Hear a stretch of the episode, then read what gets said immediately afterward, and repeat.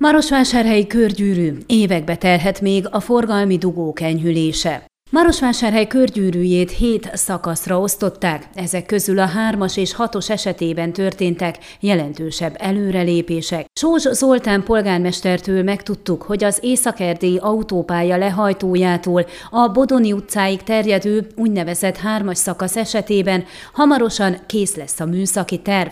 Készül ez a terv a hatos szakasz esetében is, amely az Ernye Koronka terelőúttól az E60-as útig tart. A városvezető szerint szerint októberben benyújtják a műszaki tervet, kiírják a versenytárgyalást, és ha nem lesznek nagy bonyodalmak, akkor jövő tavasztal már megjelenhetnek a munkagépek ezen a két szakaszon. Jelenlegi tervek szerint ezt a két szakaszt 2024 végéig be tudják fejezni.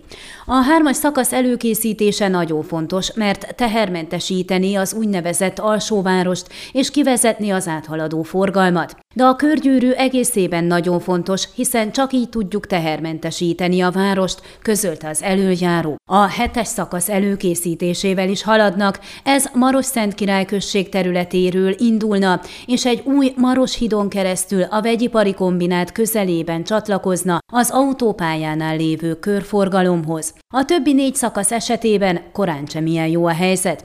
Itt folyamatban vannak a tervezések, tavasztal készülnek el az előtanulmányok, amelyekkel Európai Uniós pénzalapokat lehet lehívni. Ezeknek a szakaszoknak esetében a munkálatok 2024-ben kezdődhetnének és tartanának 2026-ig. Ön a Székelyhon aktuális podcastjét hallgatta. Amennyiben nem akar lemaradni a régió életéről a jövőben sem, akkor iratkozzon fel a csatornára, vagy keresse podcast műsorainkat a székelyhon.pro portálon.